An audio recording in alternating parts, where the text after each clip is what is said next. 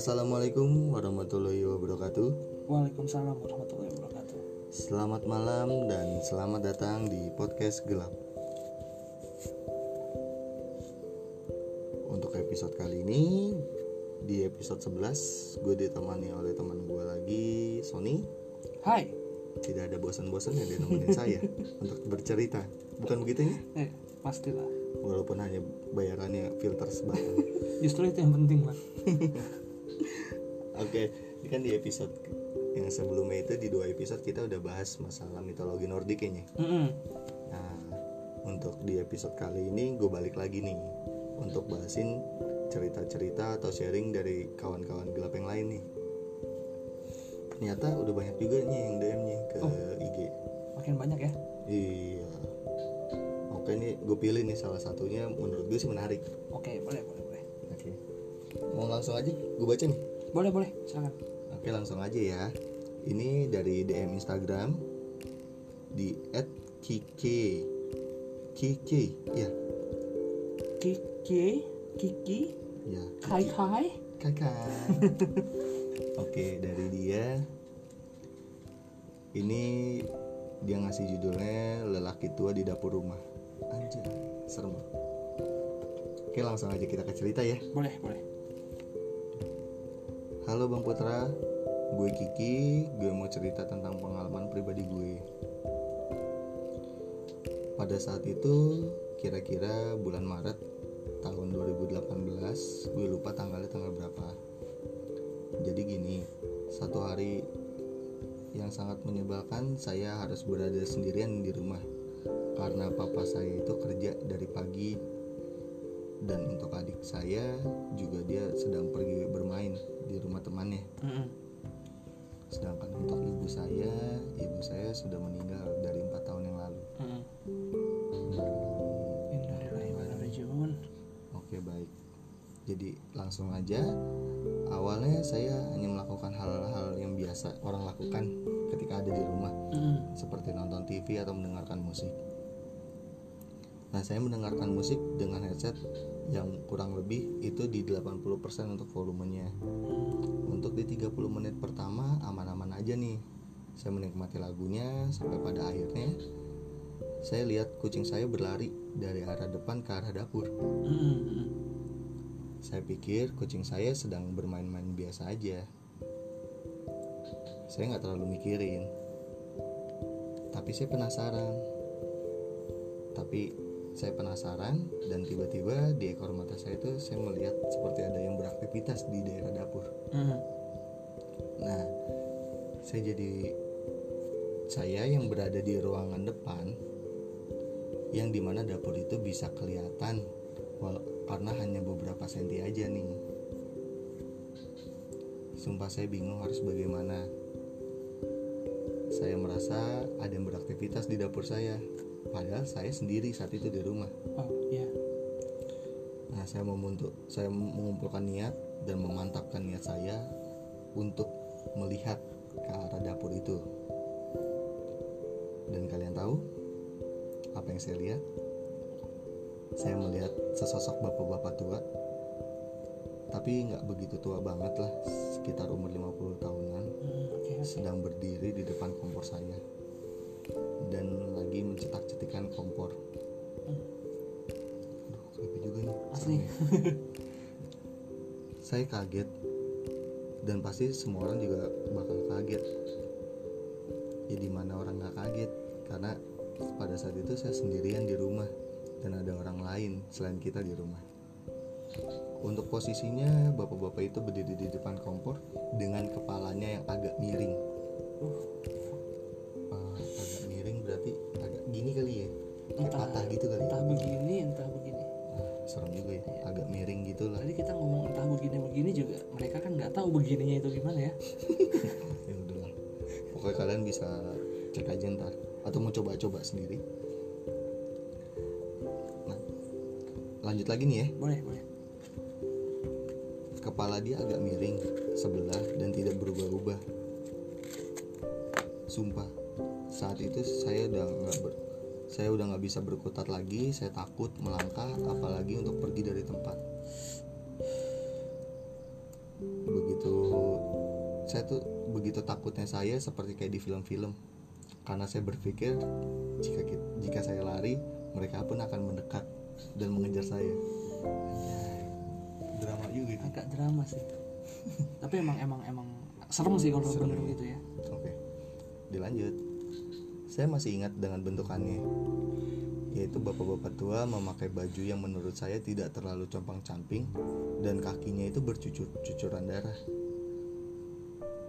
Tapi yang saya heran, kenapa darahnya tidak sama tidak jatuh sama sekali ke lantai?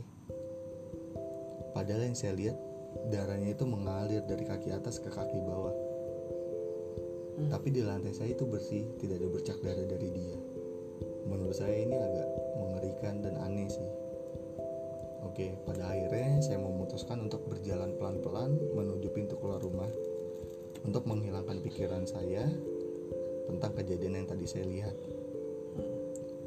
Dan sialnya saya lupa membawa HP karena HP itu saya taruh di dekat kompor tadi pas saya di, saya taruh di dekat ka- di dekat dapur yang saya lihat tadi Mhm. bapak-bapak itu oke karena saya terlalu takut untuk mengambil masuk lagi jadi saya langsung kabur aja nih keluar. Oke. Saya masih bisa dengar suara dari luar itu kalau si bapak itu masih cetak-cetikin kompor saya.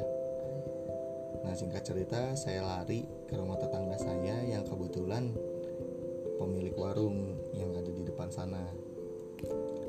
Ya setidaknya saya menunggu adik saya sampai pulang di sini dan bapak saya pulang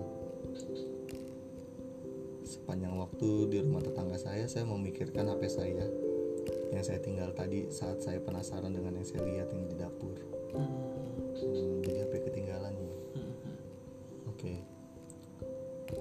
Singkat cerita sudah pukul 5 sore kurang lebih adik saya sudah adik saya ke rumah tetangga saya itu karena dia tahu saya di sana dari tetangga saya yang lainnya. Saya tidak cerita apa-apa ke adik saya dan juga tetangga saya si pemilik warung itu.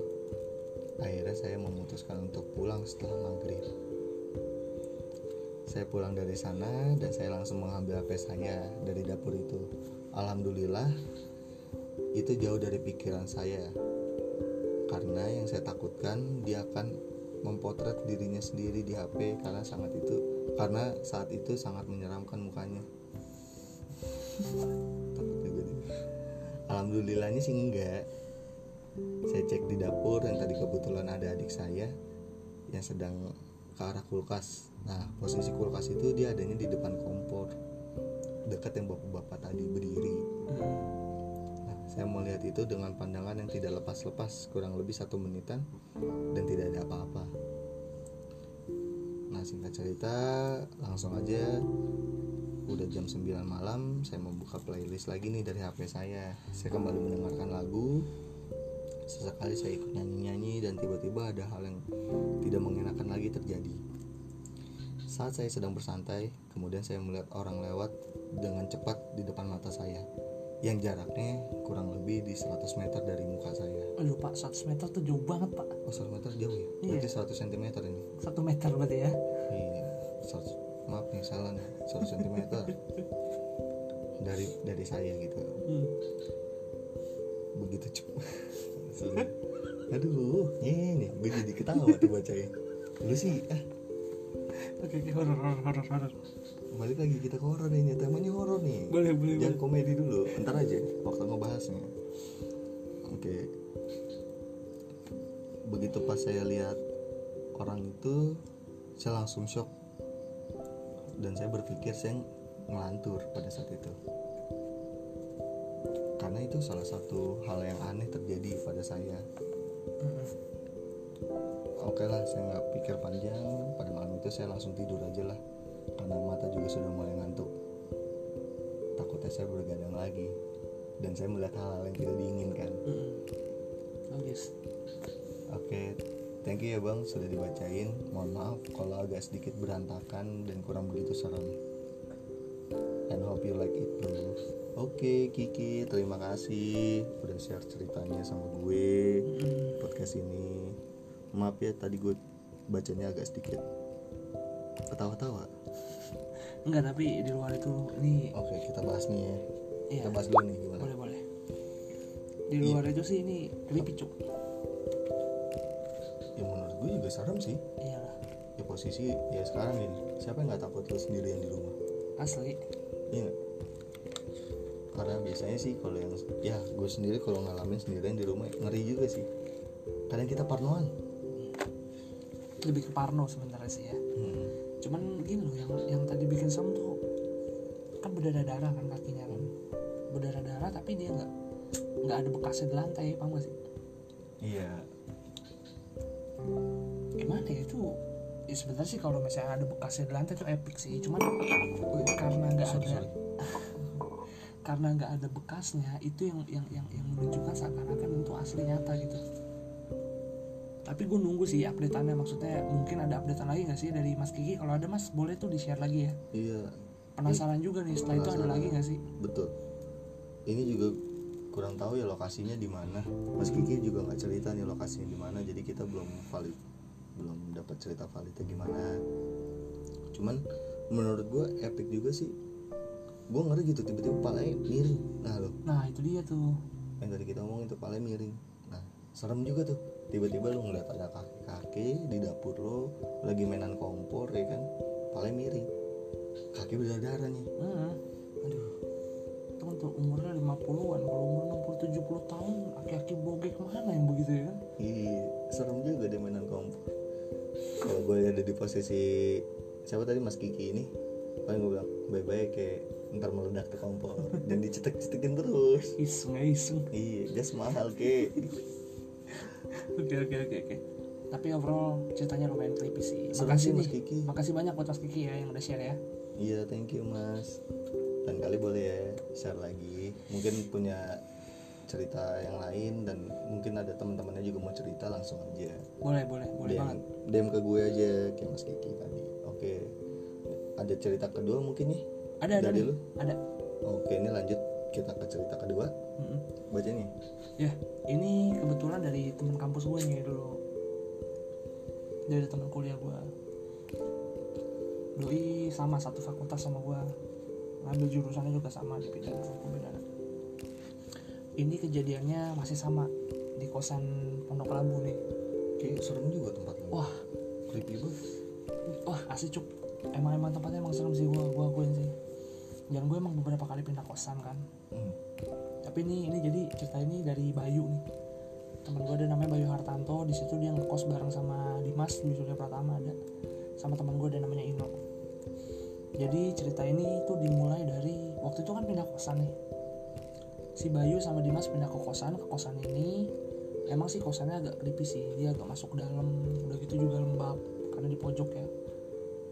Ketika dia apa pindah kosan itu baru mau pindah kok eh setelah pindah kosan kurang lebih setelah 3 sampai 4 hari emang kan kamar samping tuh kosong.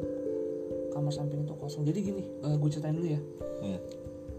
La- eh, kosannya di lantai 2 kita ngekos di jadi pas lantai 2 langsung tangga setelah tangga samping tangga itu ada kamar mandi Hmm. depan kamar mandi ada kamar pertama itu kamar gua terus kamar kedua itu kamar kosong di kamar ketiga ada satu orang sama di kamar pojok terakhir Kosong. enggak atau ada orang Oh, juga ada. satu nah di kamar yang nah ini di kamar yang kedua ini yang kosong diisi ceritanya sama orang Hmm. ada orang baru itu kebetulan gue lagi gue nggak ngekos tapi gue lagi main Ya, pas, Gua lagi pas main di gua situ. main ya.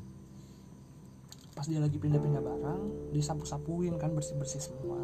Ya biasa namanya tetangga baru kan gue nyapa-nyapa juga ngobrol-ngobrol. Nggak lama dia pamit masuk ke dalam terus nggak lama dia mau cabut ke warung. Kan lewatin kamar gue tuh. Dia Iya. ngomong bang ke warung dulu. Ya dia ke warung dia beli sampo.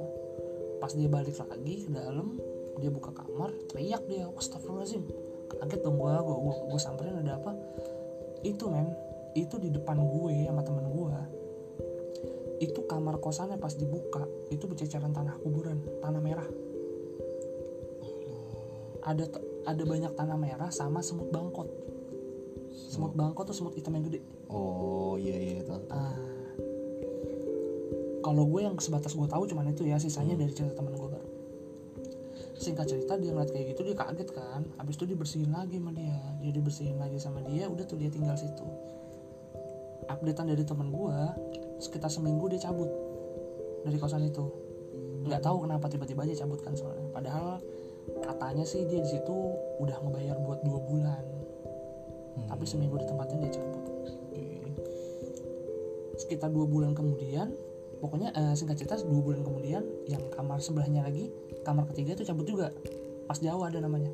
Dia cabut pindah ke bawah oh di, dia langsung turun tuh ah, berarti di atas itu cuma ada teman gue nih berdua Bayu sama Dimas sama yang paling pojok. paling pojok tadi. Betul nah anehnya tuh di sini men. Gimana? Jadi yang pertama kamar pojok ini gue nggak mau suzon ya sekali lagi nih tapi ini cerita dari temen gue yang pertama kamar pojok ini dia sendiri. Cowok sendiri. Cowok sih dia nggak kerja oke? Hmm. poinnya inget nih dia nggak kerja. Hmm. ya dia bisa lah jualan online mungkin judi poker online gue nggak tahu ya. Singkat cerita gini pokoknya kan menurut teman gue ini di kamar mandi atas itu kan cuman teman gue sama si orang pojok ini doang. Nah teman gue ini tipikal yang nggak apa kalau ngerokok di kamar mandi tuh ya ditaruh di kloset dibuang gitu. Hmm. dan rokoknya juga filter kan. Beda gitu beda. Pas dia masuk kamar mandi itu dia sering banget nemuin di atas kamar mandinya dia tuh.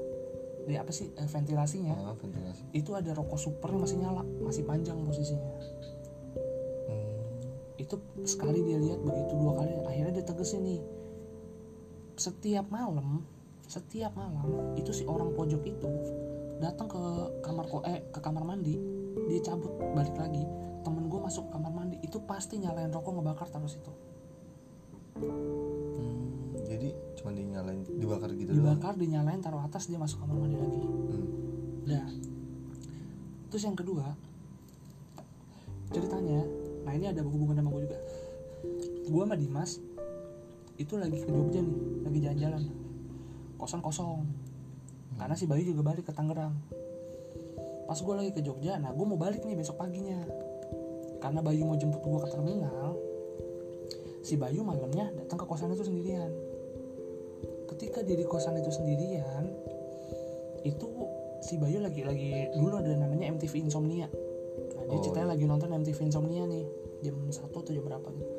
Itu di kan karena di kosannya di kosan gue tuh lantai dua itu kan langsung ke genteng orang tuh. View gue langsung genteng orang sama ada pohon. Di situ si Bayu denger suara cewek ketawa cuk. Jelas banget kata dia itu suara cewek ketawa. Nah kan gordennya dia itu kan tembus cahaya dari luar.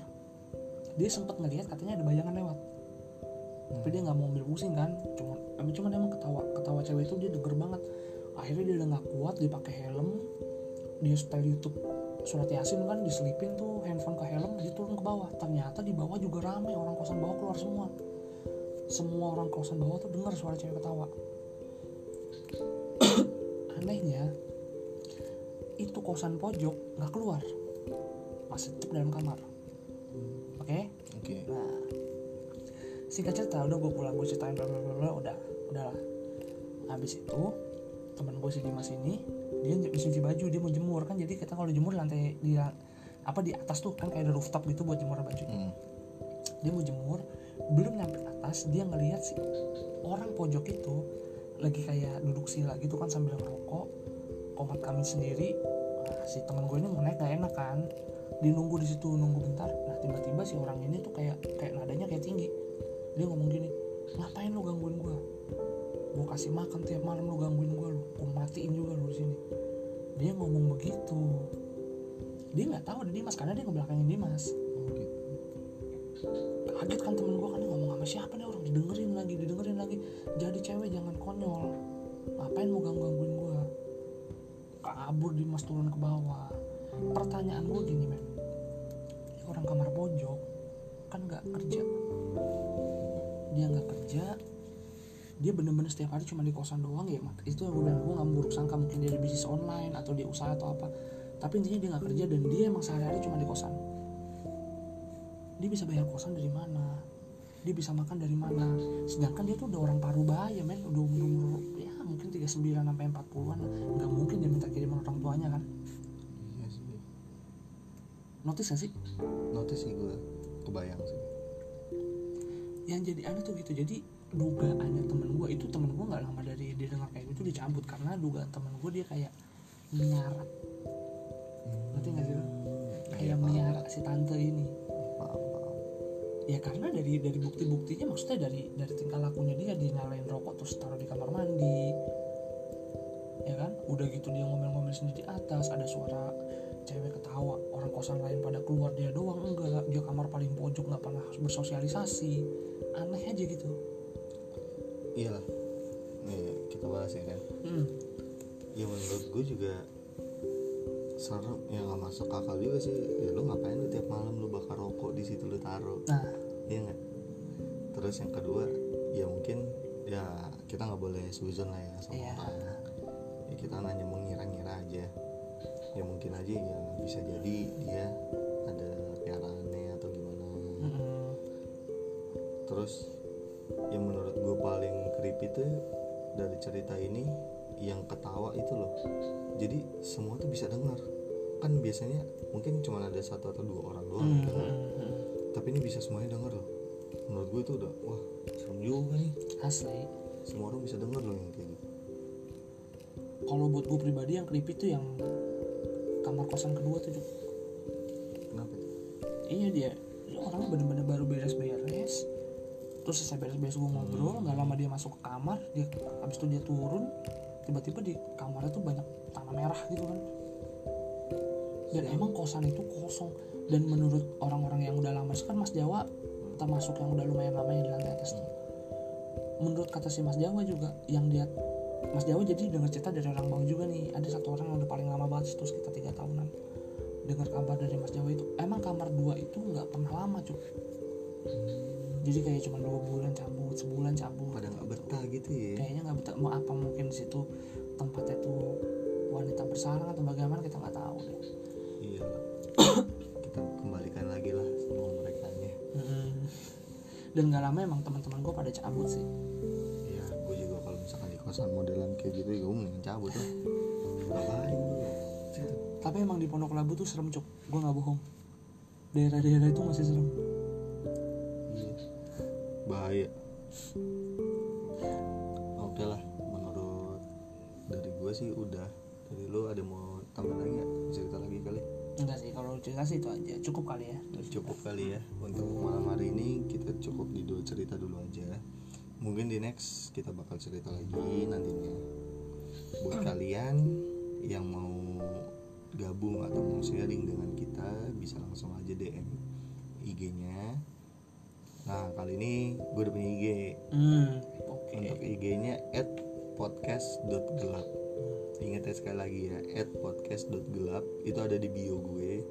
Atau kalian bisa email langsung aja Ke gelapdah at gmail.com gelap dah ya Gelap dah pokoknya Oke untuk seka- untuk malam ini sekian dulu Hmm. Kawan gelap iya nih buat Apa nih? kawan-kawan gelap nih soalnya ada juga teman gue sempet nanya kalau misalnya mau cerita bareng nih dia datang Oh, kemari bisa boleh. gitu Boleh datang aja ke basecamp gue Basecamp gue itu adanya di Depok Di dekat apa ya, Beji gitu Hmm, dekat Polsek Beji dekat Polsek Beji. Gue ada di situ.